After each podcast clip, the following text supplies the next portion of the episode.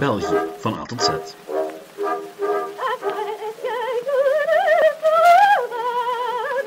Welkom bij Geschiedenis van België. In deze laatste aflevering over de Oostenrijkse Nederlanden ga ik verder waar we gebleven waren. En zing ik het liedje uit tot de verovering van de zuidelijke Nederlanden door de Fransen. Daarbij hebben we het onder meer over de enige echte pre-Belgische handelscompagnie, nog een portie oorlogen en de Eerste Belgische Revolutie. Dat en meer in deze aflevering van Geschiedenis van België. Oh, en op de Facebookpagina Geschiedenis van België kan u stemmen voor het onderwerp van letter Q. Daarover later meer. Maar nu bent u heel erg welkom bij Geschiedenis van België. Vooraleer we de geschiedenis van de Oostenrijkse Nederlanden verder ontleden, moet ik iets bekennen. In de aflevering van vandaag hergebruik ik wat content die al eens gebruikt werd. Specifiek in aflevering 5 en 6 van het eerste seizoen van deze podcast Waarom België. Maar toen heb ik vooral gefocust op zeker Jozef II en de Brabantse omwenteling. Niet alles wat eraan vooraf ging. Er hangt dus een stuk aan deze aflevering dat u misschien al eens gehoord hebt. Maar eerlijk, ik geef u liever min of meer het hele verhaal in twee afleveringen.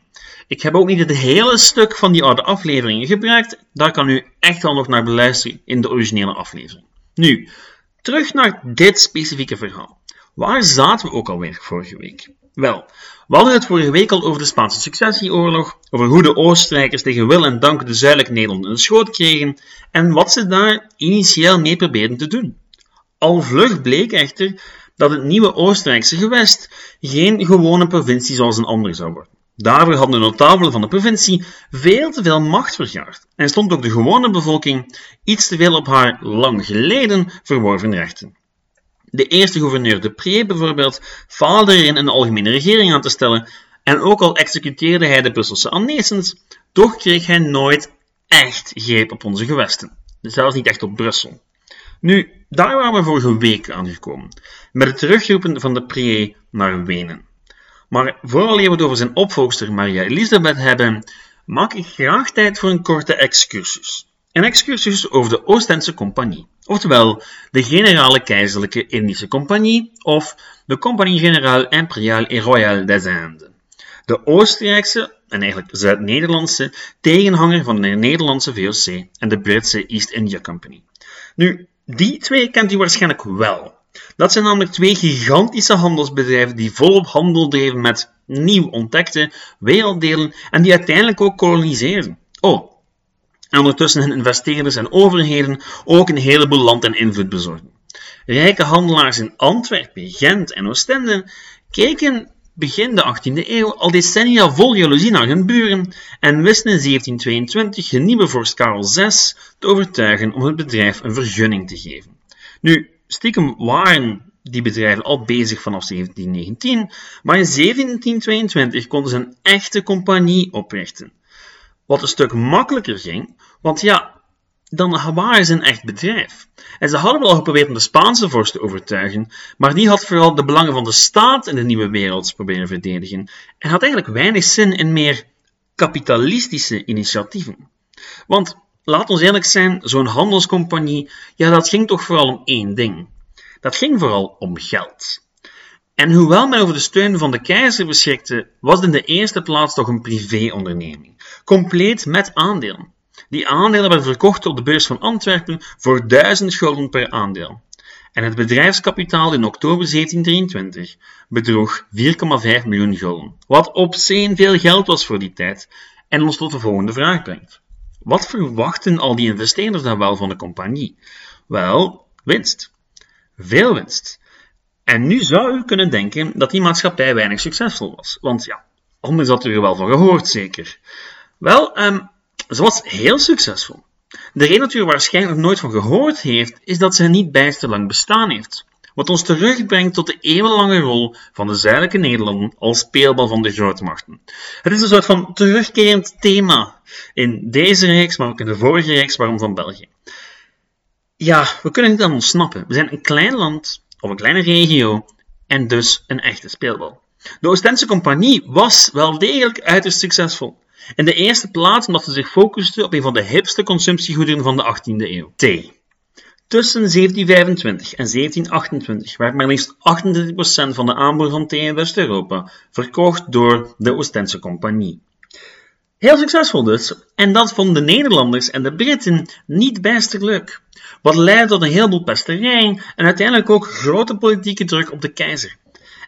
En de keizer Karel VI, die gaf toe. En geloof het of niet, daarmee eindigde uiteindelijk het verhaal van de Oostendse Compagnie. In 1731 werd ze gewoonweg afgeschaft. Maar dat kortstondig bestaan had wel degelijk een grote impact. Schepen voeren vanuit Oostende naar China en Bengaal, brachten thee terug en dat leverde een heleboel mensen een heleboel geld op. Er waren zelfs kleine kolonietjes, factorijen, waar die schepen langs voeren. In elk geval, het mocht niet zijn. Maar hoe, hoe kortstondig ook het verhaal is van de Oostendse Compagnie, het is eigenlijk erg symbolisch voor de capaciteiten en ook de beperkingen van de zuidelijke Nederlanden. En misschien ook wel gewoon van België. En daarbovenop is het simpelweg leuk om te weten dat onze voorouders evengoed een groot handelsimperium hadden kunnen uitbouwen als de powers that be er niet anders over hadden beslist. Tot daar deze korte excursus. Terug naar de gewone dagelijkse gang van zaken in de Oostenrijkse Nederlanden. En dat verhaal hervatten we in 1725, toen aartshertogin Maria Elisabeth haar intrede deed als nieuwe landvoogdes. De zus van de keizer probeerde in tegenstelling tot haar voorganger niet zozeer het bestuur van het gewest aan te passen. Integendeel, ze trok zelfs een streep onder de onlusten in Brussel, verleende amnestie en was, alles bij elkaar, een redelijk geliefde vorst. Al was het maar omdat er tijdens haar 16 jaar durende regeerperiode geen enkele oorlog uitgevochten werd op Zuid-Nederlands grondgebied. En dat was een, wel, een welkome rustpauze, laten we het zo stellen. En daarbovenop ja, regeerden ze niet enkel met behulp van Oostenrijkers, maar stelden ze ook hoge Zuid-Nederlandse edelen aan. Iets wat die heel erg apprecieerden. Maar toen Maria, Maria Elisabeth overleed in 1741, ja, toen kwamen er andere tijden. Maar onder Maria Elisabeth was men wel degelijk gewend geraakt aan de Oostenrijkse heerschappij. Nu, die loyaliteit van de Oostenrijkers zou in de jaren die volgden wel degelijk op de proef gesteld worden.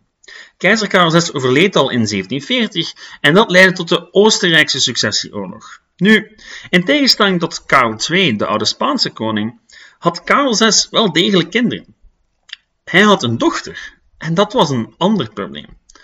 Want, tja, in een door later mannen gedomineerde wereld was een vrouwelijke vorstin voor sommigen niet de eenvoudigste zaak ter wereld. En daarbovenop was er een wettelijk argument dat een vrouw geen keizerin kon zijn, dat een vrouw niet kon heersen. Nu, Karel VI had dat allemaal proberen te regelen door de wetten aan te passen, een pragmatieke sanctie uit te vaardigen, de andere grootmachten plechtig te laten beloven dat ze Maria Theresia op de Oostenrijkse troon zou laten plaatsnemen. Maar goed, toen de man eenmaal dood was, hadden de anderen plots andere meningen dan voorheen. En dat had vooral veel te maken met geopolitiek. En met het feit dat men politiek voordeel kon halen uit die hele situatie. Weinig of niets met Maria, Maria Theresia's geslacht, denk ik. Want de andere grootmachten, die wouden allemaal iets. Pruisen was Silesië, Frankrijk keek zoals altijd vol begeerd naar de zuidelijke Nederlanden, en ja, Spanje deed ook mee, om een of andere reden. Nu, Oostenrijk stond echter niet alleen. Want u kent het liedje misschien wel al. Elke keer Frankrijk greep begint te krijgen de zuidelijke Nederlanden, dan schiet Groot-Brittannië in actie. Net als de Nederlandse Republiek. Oh, en uh, Rusland wou delen van Pruisen en die deden dus ook mee. Maar over dat hele rommeltje van oorlogen die samen de Oostenrijkse successieoorlog vormen, ga ik het niet hebben. Toch niet uitgebreid. Wel wat onze gewesten betreft natuurlijk. Al was dat bijna niet nodig geweest, want Maria Theresia deed namelijk een poging om Frankrijk en Beieren uit de oorlog te houden. En dat deed ze door de zuidelijke Nederlanden aan te bieden. Wat u een heel goed beeld geeft van de waarde van de zuidelijke Nederlanden voor Oostenrijk. Bitter weinig. In elk geval, Frankrijk, Beieren weigerden en dus kwam er een oorlog. Een oorlog die in de zuidelijke Nederlanden wel werd uitgevochten, maar snel gewonnen werd door Frankrijk. Nu, Frankrijk verloor wel degelijk op heel wat andere fronten. Ze verloren op zee, ze verloren in de Amerika's en uiteindelijk moest Frankrijk, om toch een klein beetje een deal te krijgen, de zuidelijke Nederlanden teruggeven. Teruggeven aan Oostenrijk. En na de wapenstilstand in 1748 kon het land weer van vrede genieten en van relatieve welvaart. En dat onder een nieuwe gouverneur, Karel van Lotharingen. En onder die Karel zouden handel en nijverheid bloeien. En eventjes leek het erop dat de Oostenrijkse Nederlanden meer dan enkel een tijdelijk dingetje zouden zijn. Tot er weer een nieuwe keizer kwam. Wat ons tot bij de enige echte keizer Koster brengt. En de laatste echte keizer van de Oostenrijkse Nederlanden, Jozef II. Herinnert u zich nog die De Pre, die probeerde een meer rationele staatsstructuur door te voeren? Wel, stel u voor dat in plaats van De Pre een keizer dat zou proberen en nog een stuk verder zou proberen gaan, omdat hij gemotiveerd was door de ideologische mode van de 18e eeuw. De verlichting. Wel, dan hebt u misschien een idee wat die nieuwe Oostenrijkse keizer voor ogen had. En dat had gevolgen. Het gevolg was een revolutie. Een Belgische revolutie. Al bestond België natuurlijk nog niet. Ik heb het over de Brabantse omwenteling. Een soort van uniek moment in de Belgische geschiedenis dat we collectief vergeten zijn. Simpelweg omdat het ja, minder dan een jaar geduurd heeft. Maar het is wel een soort van voorbode voor de Belgische revolutie. Feit is dat de zuidelijke Nederlanden redelijk conservatief waren, maar ook heel eigen gereid en ook heel erg stonden op hun eigen rechten. En dat zorgde voor een vreemde combinatie. Het zorgde ervoor dat men enerzijds conservatief en katholiek was, maar anderzijds echt niet wou weten van centralisatie. En de eerste Oostenrijkse vorsten deden dan ook zachtjes aan met hun centralisaties, omdat men in de zuidelijke Nederlanden, ja, dat soort dingen niet over hun kant liet gaan. Het was dan ook de meest verlichte Oostenrijkse vorst, die het meest geloofde in de idealen, die de boel in de fik zou zetten. Jozef II werd keizer in 1780 en begon even later met het doorvoeren van een heleboel maatregelen. Maatregelen die vaker wel dan niet tegen de kerk gericht waren. En hij kreeg dan ook al snel de welklinkende bijnaam Keizer Koster, vanwege de hoeveelheid regeltjes die hij zijn onderaan oplegde. Zoals het inperken van kermissen, het verplicht aanleggen van begraafplaatsen bij het bebouwde kom en nog veel en veel meer. Er zaten ook iets serieuzere maatregelen tussen, zoals het invoeren van tolerantie voor protestanten, het toekennen van volledige burgerrechten aan Joden en de invoering van het burgerlijke huwelijk. Dat laatste viel niet goed bij de katholieke kerk en het werd nog erger toen de opleiding van priesters plots een staatszaak werd en in de handen van de overheid kwam. Dat alles werd dan nog eens afgetopt met de invoering van enkele decreten in 1787 die een heleboel rechten en privileges van de, van de gevestigde orde afschaften. U weet wel, allemaal heel logisch binnen het kader van centralisatie en eenvormigheid, maar niet bepaald aangenaam voor de mensen die daarmee inschoten aan macht en invloed. Maar ook bij de gewone bevolking waren die moderne hervormingen niet bepaald geliefd, want ze pasten ook de macht aan van de instellingen die, in de ogen van de gewone bevolking althans, hen beschermden. De kerk, de adel, de gildes, enzovoort en zo verder. En dat verlies van macht en het gevoel van vervreemding van de overheid, dat leidde tot revoluties. Want ja, daar gaan revoluties niet eenmaal om. Wie macht heeft en wie niet. En de traditionele drie standen, klerus, adel en de rest, die waren niet bepaald opgezet met die nieuwe gecentraliseerde staatsstructuur. En de reactie was niet mals. De provinciale staten, u weet wel, die oude vertegenwoordigingsorganen van de drie standen, die nog een restant waren van de middeleeuwen, wel, die protesteerden. En dat leidde op verschillende plekken zelf tot rellen en de oprichting van burgerwachten. Net zoals bij de latere Belgische revolutie waren die burgerwachten revolutionaire organisaties, die niet zozeer trouw waren aan het centrale gezag, maar wel aan de lokale burgerlijke overheden. Burgerlijke overheden die zo'n revolutie wel zagen zitten, zolang zij de touwtjes in handen hadden. In 1789 werden de privileges van Henegouwen en Brabant ingetrokken en toen vloog de vlam pas echt in de pan. Het was Brabant die het voortouw nam. Vandaar ook de naam Brabantse omwenteling. In Brabant had al in 1787 een Brusselse advocaat genaamd Van der Noot zich opgeworpen als aanvoerder van het verzet. Maar goed, zou het wel eens schaden met aanvoerders van het verzet, moest hij al een jaar later vluchten naar Nederland. Maar in Nederland bleef hij zijn revolutie voorbereiden. Nu, waar waren Van der Noot en consorten boos? Wel, ze vonden dat de hervormingen van de voorstel wel geschikt waren voor en ik citeer, volkeren in de kindertijd van de beschaving, die een sterke vaderlijke hand nodig hadden, maar toch niet voor een sinds oudsher beschaafd volk. Een natie die zich 600 jaar geweigerd heeft zich te onderwerpen aan elk systeem van blinde, willekeurige en onderdrukkende feodale autoriteit. Nu, die van der Noot die was gelinkt aan de traditionele machthebbers, aan de adel en de staten. Maar ja, de zaken zouden veel te eenvoudig zijn en te simpel zijn als zijn beweging de enige revolutionaire beweging was. Ook de burgerij had het ondertussen wel gehad met de Oostenrijkse hervorming. En op zich kon deze groep zich veel meer vinden in het verlichte denken van Jozef II, maar het was net de manier waarop die maatregelen werden doorgeduwd die op veel minder sympathie konden rekenen. Dus ontstonden er politieke clubs waarin advocaten, dokters, handelaars en andere intellectueel gespuis de val van de gevestigde orde begonnen voor te bereiden. En deze groep begon met het organiseren van militaire actie en zocht daarbij, logischerwijs, de steun van Van der Noot. Maar Van der, van, van der Noot zag weinig heil in het bewapenen van gewone burgers. En die hoopte op de hulp van Pruisen, Groot-Brittannië of Nederland. Nu, Vonk, de leider van een andere organisatie, van die burgerorganisaties, wel, die ging door met zijn voorbereidingen en uiteindelijk wisten gevluchte priesters van Nood er toch van te overtuigen dat de militaire opstand en een alliantie met Vonk en zijn burgerij de juiste weg was. Nu, dit waren twee heel verschillende groepen. Je had echt traditionele conservatieve aristocratie en klerus, en daarnaast die burgers. En de ene zaten heel dicht bij de Franse Revolutie, en de burgerij die daar in, de vroege, het vroege stadia uh, alles bepaalde, en de andere, ja, dat was net de contra-revolutie. Maar op een of andere vreemde manier had je in de Oostenrijkse Nederlanden de nood aan een revolutie waar beide groepen zich achter één doel konden scharen. En op 24 oktober was het zover. 24 oktober 1789 viel een legertje van een kleine 3000 man de Kempen binnen en werd vanaf het balkon van het stadhuis van Hoogstraten, ja, Hoogstraten verbeterd, de onafhankelijkheid afgekondigd.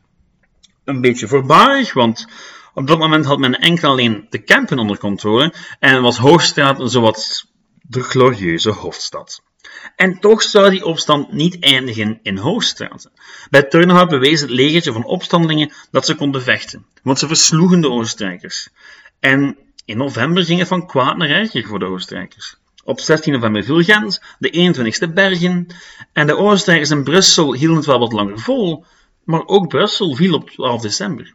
En geloof het of niet, maar op 22 december waren de volledige Oostenrijkse Nederlanden, op Luxemburg na, bevrijd.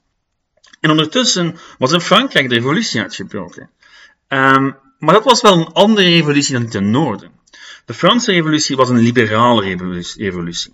En waar in Frankrijk de standen en de staten afgeschaft werden, vormden het nieuwe landje, genaamd de Verenigde Nederlandse Staten, de basis van de nieuwe staat. Die Verenigde Nederlandse Staten werden op 11 januari definitief opgericht. Of zoals de Kersverse staat ook wel genoemd werd, de Verenigde Belgische Staten. En België lijkt op dat moment dus heel dichtbij te zijn, als je het vanaf nu bekijkt. Want in de realiteit was het eigenlijk nog mijlenver af. Want dit was niet een soevereine staat, maar een soort van formeel bondgenootschap van staatjes met een gemeenschappelijk congres. Een congres waarvan de leden, net zoals met de Staten-Generaal destijds, door de staten en dus door de standen verkozen werden, en niet door de burgers.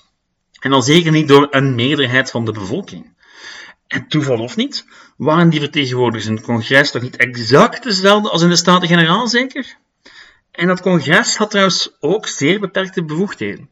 Het leger, het buitenlands beleid en het maken van de munt. Dus ja, dat was het dan ook wel. En de belangrijkste figuur in dat hele verhaal was de enige minister in die regering, onze oude vriend van der Noot. En het beleid van zijn regering was erop gericht om alles toch maar vooral te laten zoals het was. En het land zeker niet over te leveren aan Franse toestanden, waarbij men absurde zaken zoals vrijheid, gelijkheid en broederlijkheid zou beginnen nastreven. Stel je voor. Nu, de staten en de standen.